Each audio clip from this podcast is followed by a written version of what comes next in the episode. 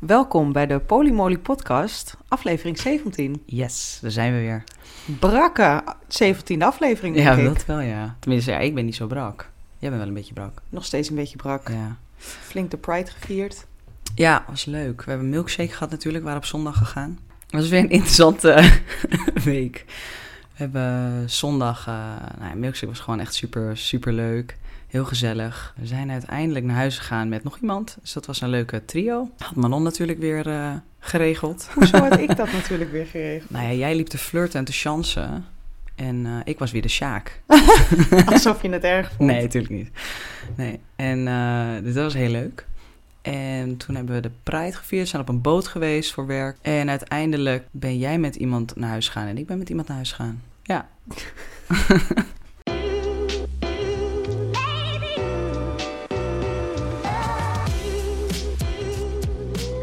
hey, maar ehm, even back to basic, zeg maar. Wat, eh, dit was de tweede keer dat we een eh, trio deden. Eh, na een tijdje lang eigenlijk niet ook, omdat we een beetje, nou ja, niet zo heel leuk hadden in het begin natuurlijk met Gigi. Dat was nogal gedoe geweest later.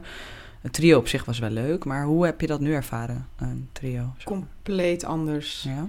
Ja, als in, we waren allebei super comfortabel Ja. met het feit dat de ander dan iets in het zicht van de ander doet. Maar zo op het einde met Gigi ook wel, hè? Maar Nee, in het begin eerder, aan het einde niet meer. ik heb er een andere herinnering. ik, heb, ik heb daar geen actieve herinnering over.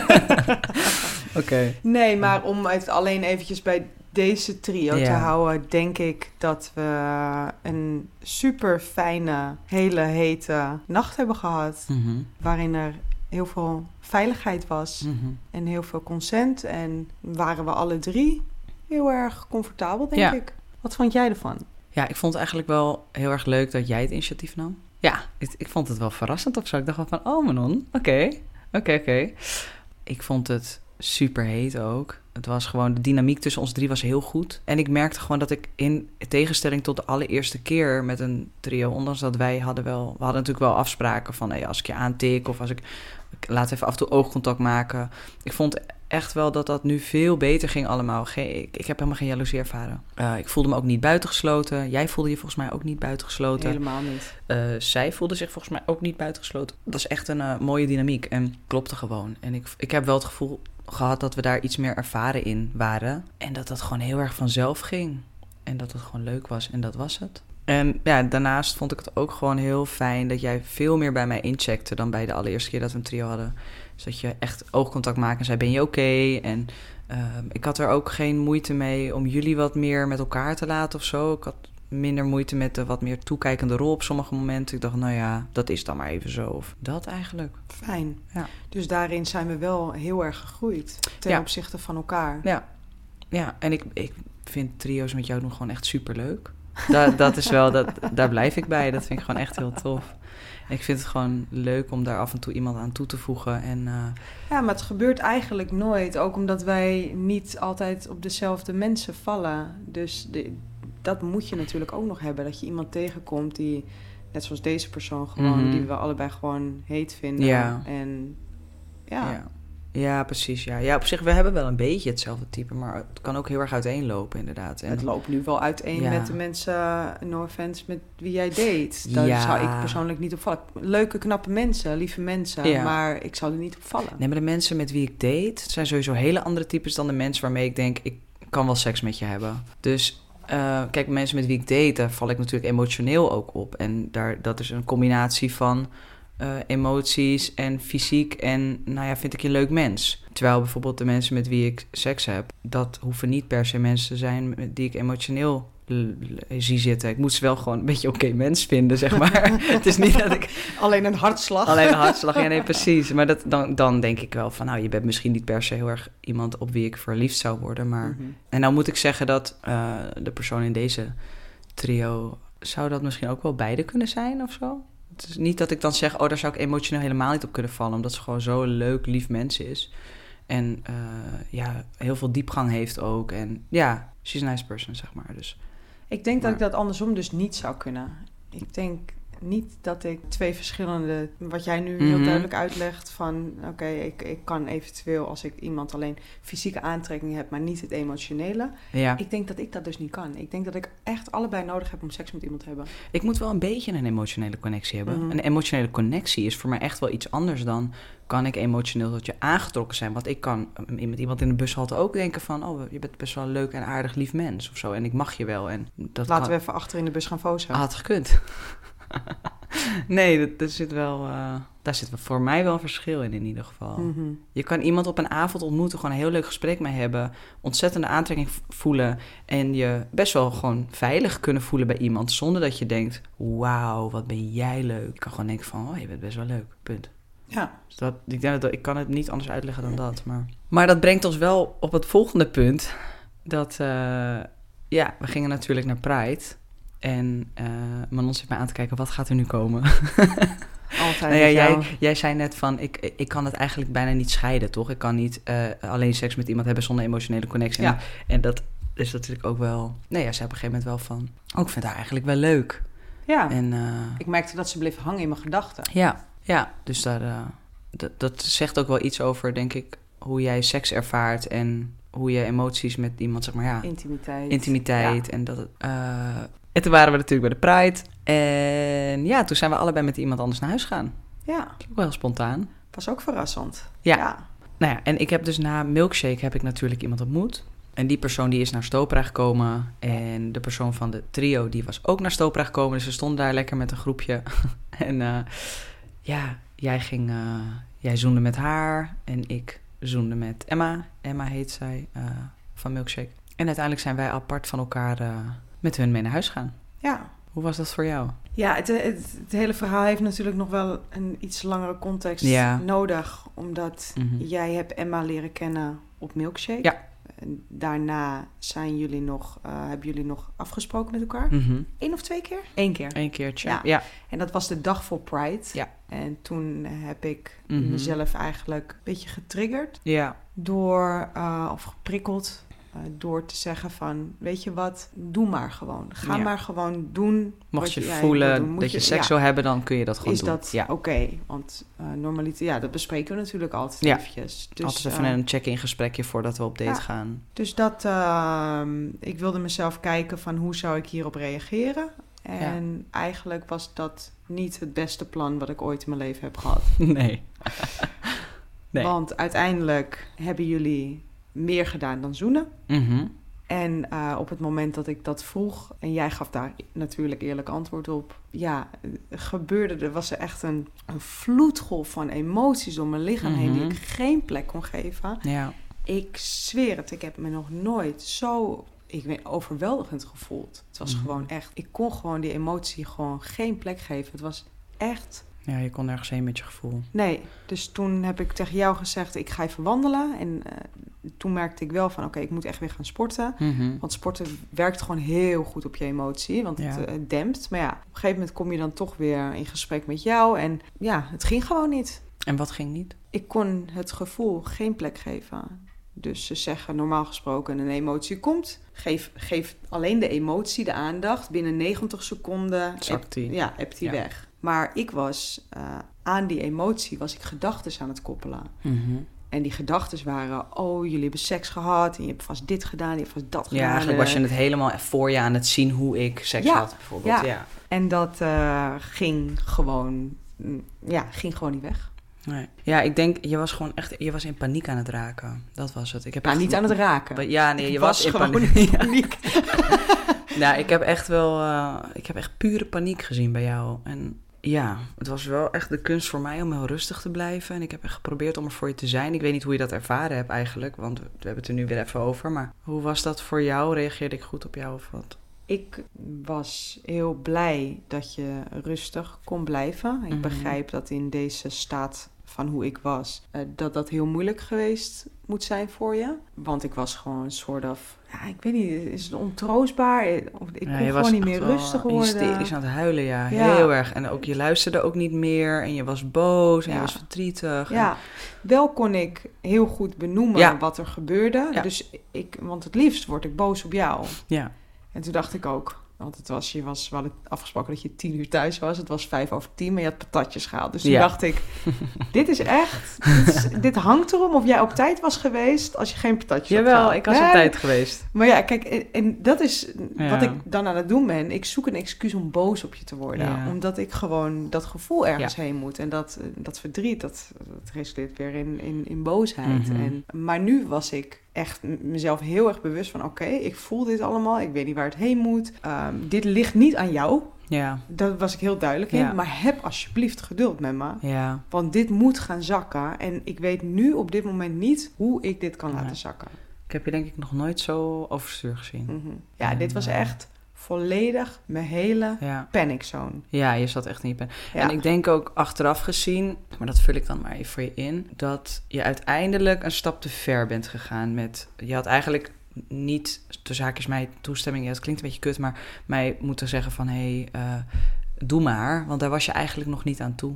Nee. En daarin ben je over je eigen grens gegaan. En ja, ik doe op dat moment natuurlijk niks fout. Eh, maar ja, het is wel. Het voelt ook een beetje gek om iets te doen wat ik mag doen. Maar vervolgens blijkt dat dat eigenlijk beter niet had kunnen gebeuren. Dus ik heb een hele fijne avond gehad. Maar kan er ook niet echt van genieten. Want ik voel me toch schuldig. Ik voel me, eh, ook al weet ik dat het mocht, voel ik me toch heel rot tegenover jou. En dan heb ik er. Ik heb er geen spijt van. Maar het voelt wel een beetje zo van: oh shit, had ik het maar niet gedaan dan. Want had jij er nu niet zo bij gezeten. Dus ik had zo met je te doen. En moet dan ook loslaten en denken: dit is wel van jou. En dit is ook ergens ook wel mooi dat je erachter komt dat er blijkbaar wel een grens zit voor jou.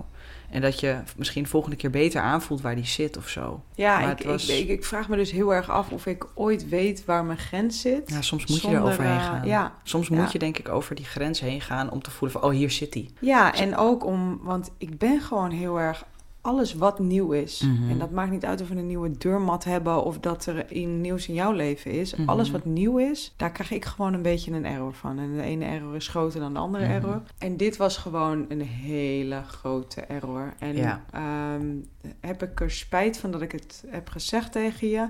Ja en nee.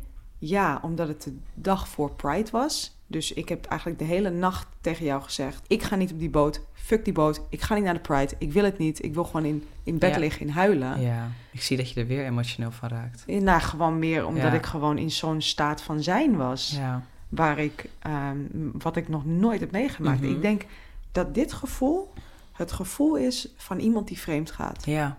Dat denk ik. Ja, dat, daar hebben we het ook nog over gehad. Van, voelt het voor jou nu alsof ik vreemd ben gegaan dan? Dat zei je ja. Ja, Ja. ik bedoel, ik heb dat nooit ervaren, voor zover ik weet. Al mijn exen.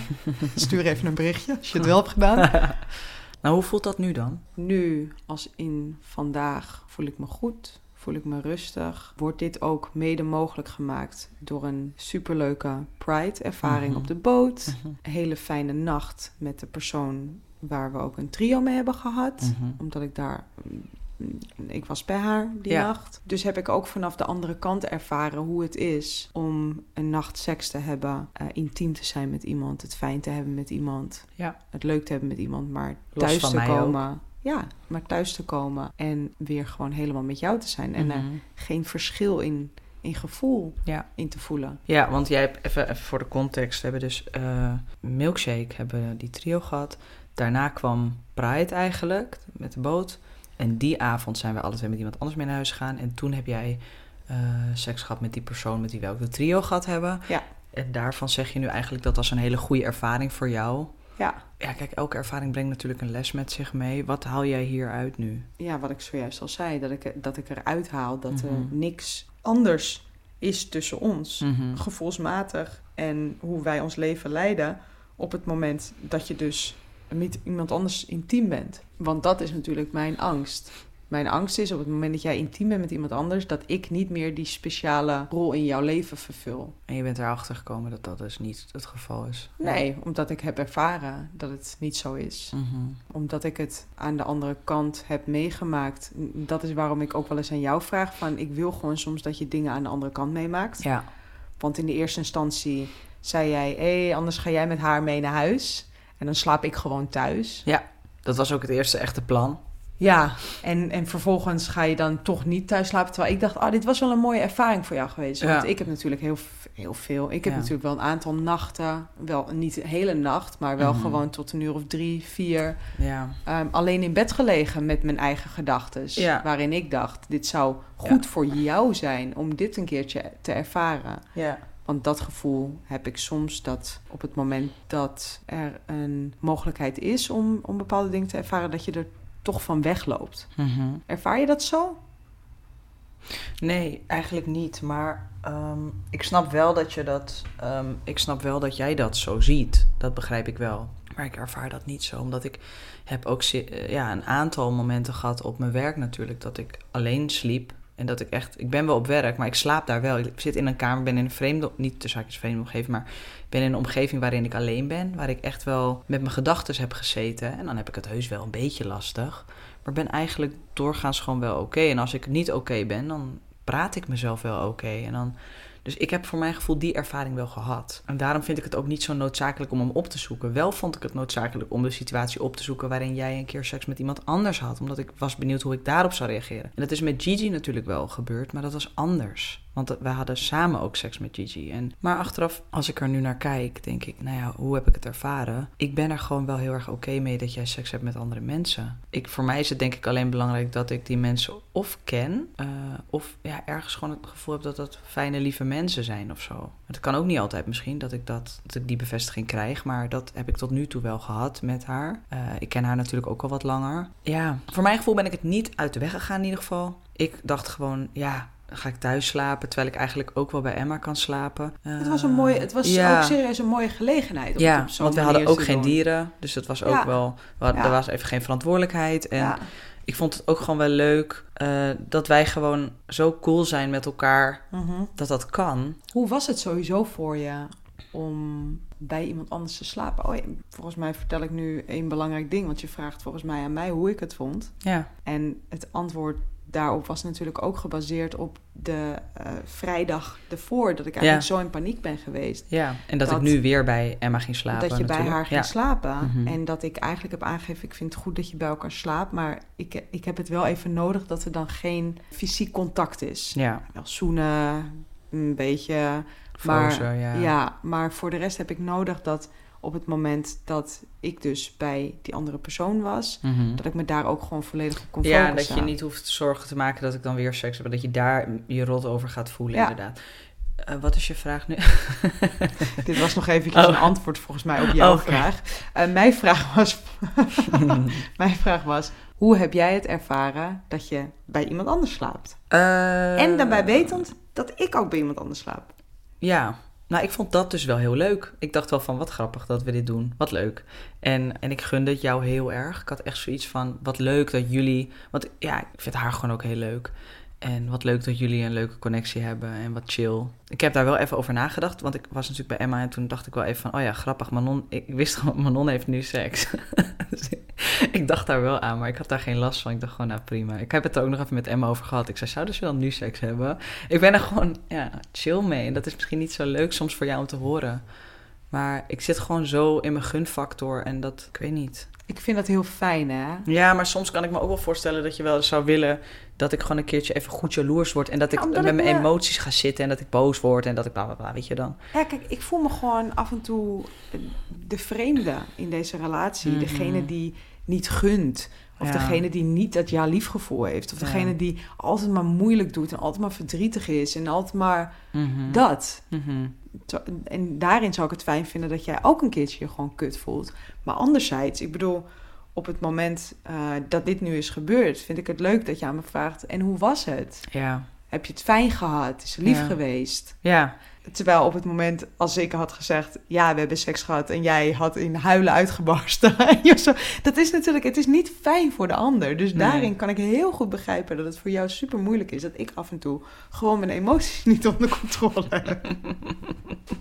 Ja, maar dat, dat is jouw proces. En dat is oké. En dat is. Ik, maar ik vind wel, wel eh, voor jou heel pijnlijk om te horen dat je, je de, zei je nou, de, de vreemde in de relatie voelt, zeg maar. Want ik denk dat dat wel een heel normaal proces is, dat je dat voelt, zeg maar. En ik denk dat ik gewoon, ik heb hier natuurlijk in de relatie voor jou hier al zoveel over nagedacht. En ik denk ook echt dat ik wel echt polyamoreus ben of zo.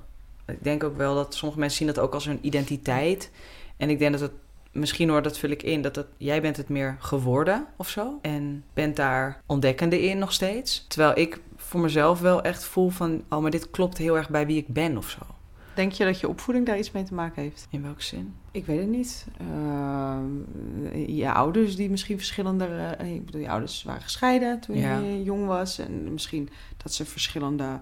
uh, dat zij verschillende kijken hebben gehad op relaties... waardoor jij ook een andere kijk hebt gehad. Nee, want nee, zij, zij zijn best wel heel erg monogaam juist. Tenminste, mijn moeder en mijn vader zijn wel heel open-minded in, op hun manier. Maar polyamorie is niet iets wat hun... eh, nee. Jij denkt gewoon dat het echt in je core zit.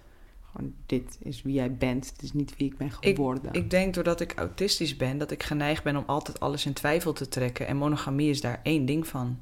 Dat heb ik vanaf moment één al wel in twijfel getrokken. Ik, het, it just doesn't make sense of zo in mijn hoofd. Ja. En, en ik denk doordat als je, dat, als je alles van jongs af aan al in twijfel trekt en daar vraagtekens bij zet, ben je meer geneigd om andere vormen te onderzoeken. Uh, dus dan lees ik er ook veel over. Ik kijk veel dingen erover en ik doe gewoon veel onderzoek. Dus dan. Ik denk dat dat het is eigenlijk. Denk je ook dan dat jouw atypische brein mm-hmm. bepaalde dingen beter kan handelen? Want kijk, ik ben natuurlijk super emotioneel. Mm-hmm. Dus ik denk op het moment dat jij bent zo rechtlijnig. Als wij Mhm. afspraken hebben, dan is dat de afspraak. Ja. En die afspraak moet wel heel duidelijk afwijken. zijn. Want Mhm. anders eh, heb je natuurlijk weer Ja. inderdaad eh, die afwijkingen. Ja. Als de afspraken duidelijk zijn, dan wijk je daar niet van af. En dan kan je daar ook niet boos om worden of zo. Ook al, Mhm. die, dit, dit is gewoon hoe het hoort. Dus dit is goed. Ja. Dus dan Ja, is er en- geen reden voor paniek. Precies, en, maar wat je dus ook wel ziet bij mij is dat als je er dan wel van afwijkt, dan is het ook paniek. En dan, dan kom ik in die paniekstaat en dan klopt het niet. En nou, wat misschien wel een mooi voorbeeld is om te geven, is dat nou ja, wij werden allebei wakker in een ander bed. En nog om even antwoord te geven op die vraag, eh, ik vond het heel gek om na drie jaar eigenlijk niet naast je te slapen. Ik ben natuurlijk één keer met Gigi hebben we dat gehad. En, maar dat was Gigi was al bekend. Maar het was gewoon wel bijzonder om naast Emma wakker te worden. Ja, dat uh, was heel fijn. Maar het was ook wel een beetje wennen. En ik denk ook voor haar heel onwennig. Uh, maar ja, en wat, wat dan nog misschien wel even interessant is om te noemen was... Uh, wij werden inderdaad wakker. En ik had bedacht, het is wel leuk als wij samen naar huis fietsen. Want uh, je bent nog geen vier straten van mij verwijderd, zeg maar. Want ze wonen heel dicht bij elkaar. En voor mij was dat een momentje van connectie weer met jou. Alleen, dat, voor mij is dat zo vanzelfsprekend op dat moment... dat als jij vier straten van mij vandaan bent... en wij moeten allebei even rond een bepaalde tijd thuis zijn...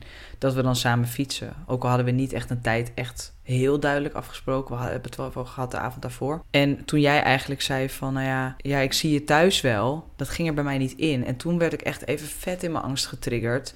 Want ik dacht, oh, jij wil daar langer blijven en je wil niet met mij zijn. En ik had het al helemaal ingevuld voor je. En toen ging daar ging ik dan echt wel even, even heel slecht op, zeg maar. Als ik niet die connectie of zo met jou kan hervatten. In principe was voor mij de regel heel duidelijk. Want jij ja. zei, ik ben tien uur thuis. En ik zei, ik denk dat ik rond een uur of half twaalf maximaal thuis ben. Want we moeten twaalf uur Sky ophalen. Mm-hmm. Dus daarin uh, was er voor mij geen onduidelijkheid. Wel begrijp ik natuurlijk dat jij die connectie weer wilde. En inderdaad, we Ja. waren dicht bij elkaar. Uh, maar dat ging volledig uh, langs mij heen Mhm. uh, dat jij iets anders in je hoofd had. Ja. Maar inderdaad, op het moment dat er dus voor jou onduidelijkheid is, Mhm. ja, dan raak je van de ruil. Ja, ja, en het is natuurlijk aan mij om duidelijkheid te vragen. Maar ik denk dat ik op dat moment gewoon niet besef dat het onduidelijk voor me is soms. Omdat er, we hadden ook wat gedronken natuurlijk met de uh, Pride. En dan moet ik dat gewoon iets beter communiceren en iets beter. En ook gewoon echt aan jou kunnen vragen van, hé, hey, ik heb de behoefte om samen te fietsen. Uh, zullen, we, zullen we dat doen? En vind je het oké dat we dan iets eerder gaan fietsen of wat dan ook? Maar dat, dat blijf ik wel moeilijk vinden. En ik denk, want je had het net over of mijn atypische brein dan op dat soort gebieden anders werkt. Ik denk dat ik ook veel later pas voel wat ik nodig heb. Waardoor het heel moeilijk is om het in het moment zelf aan te geven. Zelfs als dat in die periode met Gigi dan gebeurde er wat en dan was ik er eigenlijk wel oké mee. Dan zei ik, nee hoor, ik ben helemaal oké. En een dag later of twee dagen later, dan bekruipt het me ineens. En dan is het heel gek als ik er dan natuurlijk nog op terugkom. Want dan lijkt het alsof ik inderdaad oké was. En dat, ik denk ook oprecht dat ik oké ben. Ineens overvalt het me dan. Het kost me veel meer tijd om die emoties te verwerken. Dus ja. Ja, maar, het, is, het, is wel, het is heel interessant, want uh, hierin waren we super sterk. Uh, want dit Mhm. kan ook wel escaleren als we Ja. zo'n uh, meningsverschil hebben over hoe een situatie eigenlijk tot stand is Ja, gekomen. omdat we het ook anders ervaren natuurlijk. Precies. Uh, maar nu was het eigenlijk heel duidelijk dat we allebei eigenlijk een leerles hieruit haalden. Mhm. Ik had gewoon direct aan jou moeten vragen: heb je de behoefte om Ja. samen te fietsen? En ik had eigenlijk duidelijk moeten aangeven: van hé, hey, ik, ik heb geen zin om me te haasten. Ik ben brak. Mhm. Ik wil gewoon nog even chillen en praten. Uh, vind je het goed als ik iets later thuis ben dan jij? Of uh, dat we elkaar gewoon thuis treffen? Of Ja. dat we elf uur afspreken om samen te fietsen? Mhm. Iets in ieder geval. Ja. Maar nu dacht ik, huh, er was toch. Nou ja. Dus Ja, we haalden in ieder geval een mooie leerles uit Mhm. van hoe dit, uh, hoe dit tot stand kwam. Ja, en um, afspraken kunnen natuurlijk ook veranderen in die zin. Je kan een afspraak maken en er achteraf op terugkomen en denken... oeh, dit was eigenlijk toch niet wat ik nodig had. En dat was weer mijn leerles van, Ja. ja, ja weet je... Ja, en daarin, Leer- leerles. Daarin denk ik wel dat, ehm, eh, dat ik nog ook wel wat te leren heb met betrekking tot op het moment dat jij mij iets vraagt Mhm. en ik zeg nee en er is teleurstelling bij jou, Mhm. dat ik daar ook mee moet kunnen leren dealen. Ja, dat, dat er gewoon teleurstelling is en dat dat oké is op dat Ja. moment. Ja, precies. Ja, Ja. ja. dat, is hetzelfde met, met mijn boosheid of zoals ik boos ben of inderdaad teleurgesteld Ja. ben. Dan, eh, dat is mijn emotie en daar hoef je niet altijd wat mee of zo. Nee, en dat Ja. vind ik heel lastig, want ik wil het liefst graag dat, eh, oplossen ik wil het oplossen Mhm. en ik wil het uitleggen Ja. dat het niet mijn kwade bedoeling is om, om Ja. je tegen het verkeerde been aan te schoppen. Maar het, het mag er ook gewoon zijn. Mhm, En mhm. dat was ook heel duidelijk voor mij die vrijdagavond nadat jij intiem contact had gehad met Emma. Dat mijn gevoel moest er gewoon even zijn. Ik, ik wist nog niet waar het heen ging. Maar eh, heb de tijd met me en laat me. Ja, maar dat voelde ik ook wel heel sterk. Ik had de tijd en ik had heel veel eh, begrip voor je. En het is, wel, het is gewoon moeilijk om je zo te zien. Het is moeilijk om je zo overstuur te zien. En dan wil ik het gewoon oplossen. En dan, eh, ja, dat is... Ik, het lukte me gelukkig goed om daar heel erg van weg te blijven. Van, oh ja, ik moet nu met een oplossing komen en jou zeggen wat je moet doen. Ja, soms zeg je dan in één keer random, ja, dan moet je maar vaker een boek gaan lezen. niet doen. Ja, niet, ja, nee, ja, even, ja, even ja, niet. ja, ja, ja. Nee, maar dat, dat, ik denk wel dat dat helpt. Ik denk dat het helpt om die in te lezen. maar niet op het moment Maar niet dat op, het je... moment, niet op het moment dat je inderdaad overstuur bent. Dan ga je natuurlijk niet zeggen, oh, dankjewel voor deze tip. Ik pak nu even een boek erbij. ja. ja. Maar goed, eh, Emma, ja. Ja, hoe is dat? Hoe, ja. Ik, ik wil trouwens nog even terug, want uh, we hebben natuurlijk... Uh, misschien moeten we even gewoon überhaupt een updateje doen. Ja, wat is überhaupt een updateje voor jou? Nou, een, duidelijkheid. een update uh, over hoe je erin staat, met wie ben je aan het daten, hoe is je Ja. gevoel, hoe ervaar je onze reis? Uh, laat ik beginnen dan met wie ik aan het daten ben. Ik was aan het daten met Daan. Ik heb geen idee waar, waar dat heen gaat. Uh, volgens mij, I, have no clue. Zeg maar. Ik weet ook niet wat er gebeurd is. Ik weet niet, er is een soort van radiostilte nu. Ik weet ook niet wat ik ermee moet.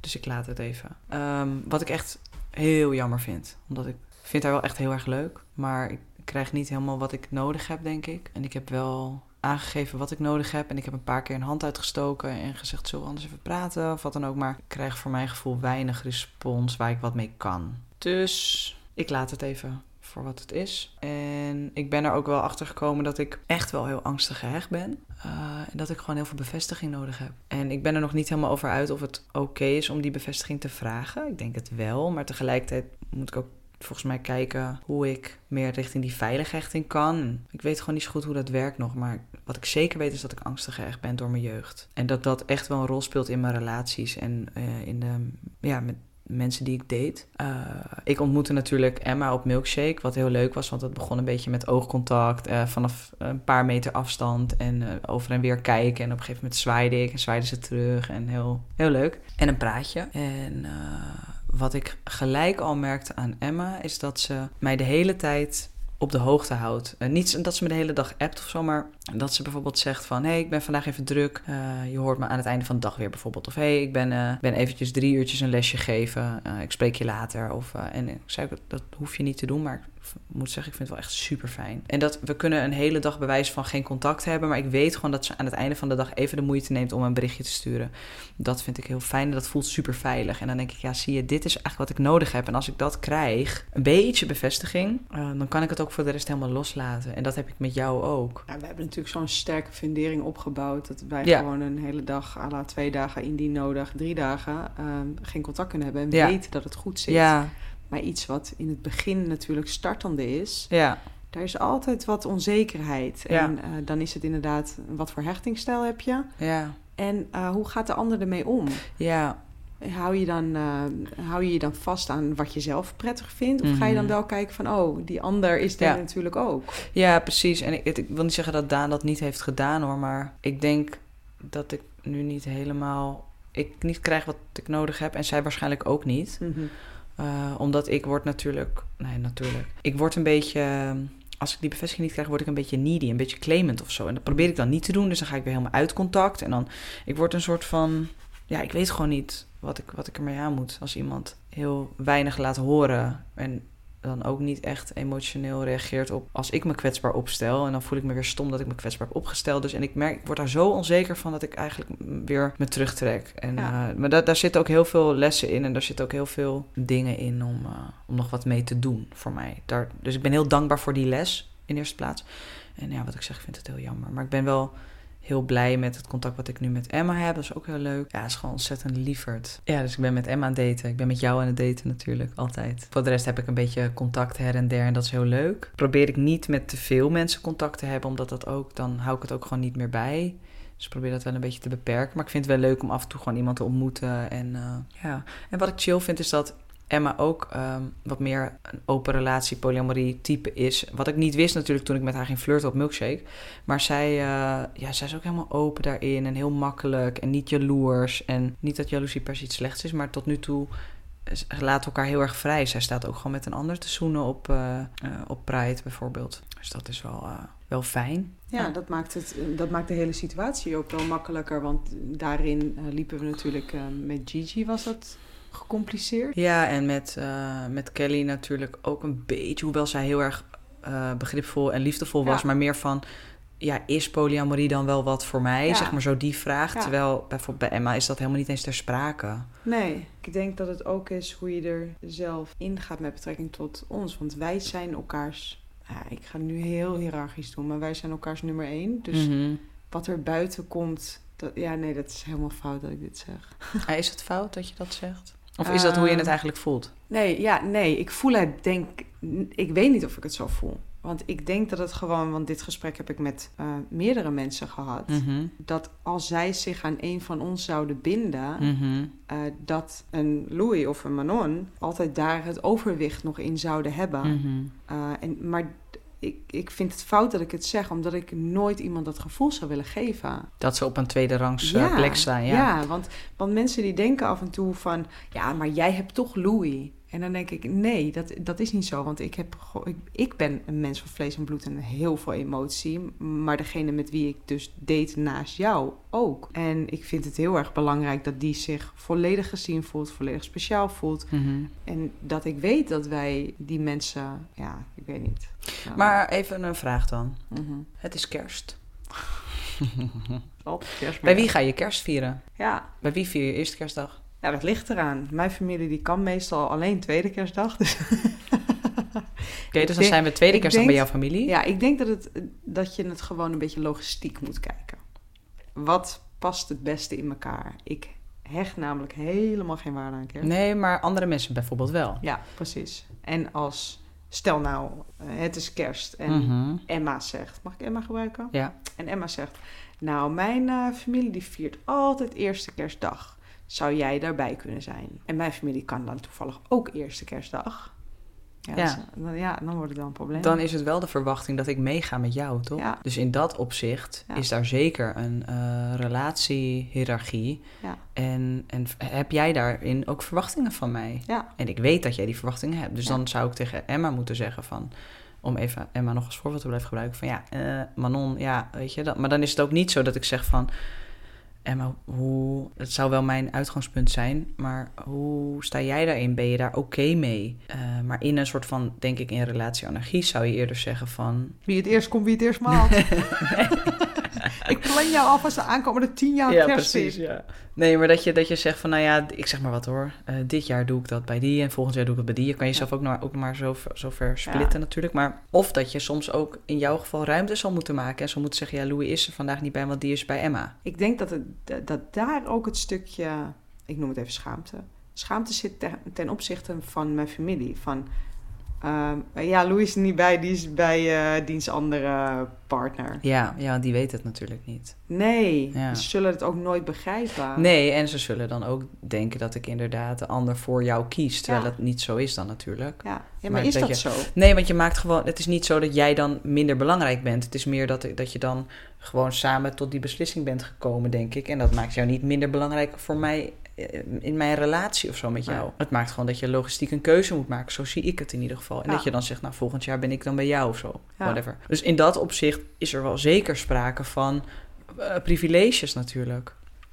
Als, er, als, als jij in het ziekenhuis ligt en Emma ligt in het ziekenhuis, ja, dan ga ik natuurlijk verdelen over de dag. Maar dan ga ik mhm. toch eerst bijvoorbeeld bij jou kijken. Want ik heb. Maar nou, heeft... Ik denk dat je eerder kijkt naar wie, uh, wie, is er het wie, ergst, wie is er ergst aan toe. Ja, dat zou ik zeker doen eigenlijk. Ja, ja. Maar dan zou ik dus dat wel overleggen met jou. Ik zal altijd overleggen met jou. Hoe sta je erin? En eh, bij Emma bijvoorbeeld is dat wat minder vanzelfsprekend. Om nou, als we nou allebei in coma liggen kan ik niet overleggen. Maar dan merken jullie er ook niks van.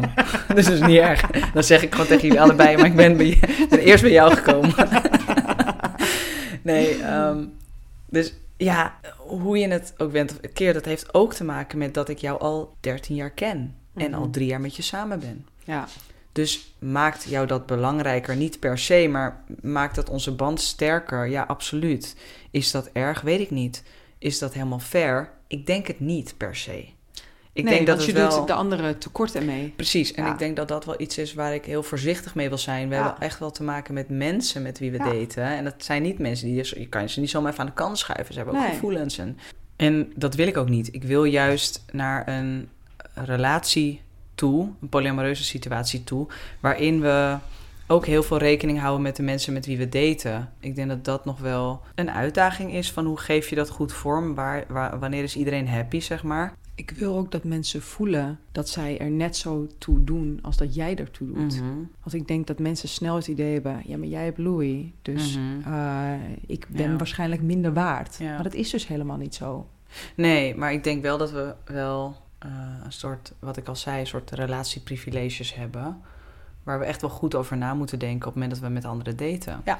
En, maar dat is ook, we gaan natuurlijk 8 augustus gaan we. Oh, dat is morgen trouwens. Morgen gaan we naar. Uh, gaan we naar de praatgroep van Eva Perel. En dan gaat het ook over hiërarchie versus uh, anarchie. En ik denk dat we op dat vlak ook al best wel goed bezig zijn om te kijken van oké, hoe werkt dat dan? En wat, hoe zit dat bij ons? En ja, wanneer doen we het goede, ook tegenover de ander? ja, we hebben natuurlijk ook wel een paar keer te horen gekregen van mensen die de podcast luisteren, die dat ook vroegen. Hè? Van uh, gisteren nog trouwens, van ja, ik vraag me soms wel af hoe het is voor andere mensen om met jullie te daten en uh, of wij wel genoeg rekening met hen houden. En ik denk dat dat een proces is. Ik denk dat we daar onvermijdelijk fouten in hebben gemaakt. En ook onvermijdelijk fouten in zullen maken. En um, ik denk het laatste wat ik, wat, ik, wat ik hier zit te doen is te, te doen alsof het allemaal perfect gaat. We willen heel graag leren. Ja, dat dus, is het. Ja. Maar leren kunnen we eigenlijk alleen uh, door feedback te ontvangen. ja, nou van de mensen met wie we daten. De mensen met wie we daten. En, ja. en, en, dat zij hun behoeftes uiten. Ja, ik heb wel het gevoel dat dat wel gebeurt ook tot nu toe in ieder geval. Dat we af en toe echt wel even op ons flikker krijgen over van ja, maar hoezo... Uh, ja. Nou ja, maar nog even als ik kijk naar onze polyamoreuze relatie, zeg maar, ik ben heel trots en heel blij. Ik ben heel gelukkig dat we dit doen. Soms hou ik wel eens mijn hart vast en denk ik, oh, eigenlijk onze te zaakjes slogan, waar beginnen we aan?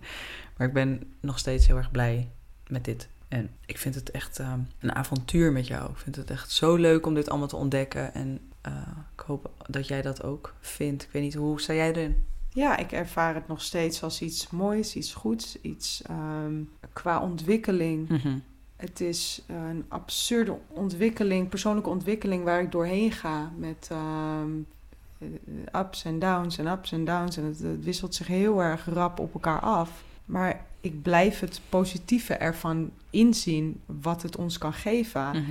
En hoe leuk en fijn was het dat we zaterdagavond allebei ons eigen weg op gingen, omdat we daar allebei behoefte aan hadden. Ja. Dus daarin denk ik van ja, dit is, eh, we, we zitten op het goede pad. Maar het gaat wel gepaard met eh, bij mij nog steeds gewoon wel veel onrust. Mhm. En af en toe heb ik echt het gevoel dat me de rest van mijn leven eigenlijk een beetje aan me voorbij gaat. Met betrekking tot mijn school en mijn werk. En dat, dat, dat ik ja, hier gewoon best wel een groot deel van mijn leven, ja, ik wil zeggen aan kwijt ben, maar qua tijd en Ja. energie en qua gedachten en qua gesprekken met jou. En soms zou ik willen dat dat eventjes gewoon op, op de rem staat. En dat ik gewoon eventjes gewoon weer gewoon kan leven. Want ik heb, de afgelopen weken heb ik het gevoel dat het een beetje aan me voorbij schiet, alles. Ja, komt natuurlijk ook door de pride en door alles. Maar Ja. inderdaad ook wel, het kost veel hoofdruimte en veel tijd en energie om en te daten met mij en te daten met, eh, met Bo. En te, maar ook inderdaad de gesprekken die erbij komen als het even misgaat. Dan ben je daar gewoon wel, eh, Ja, ja.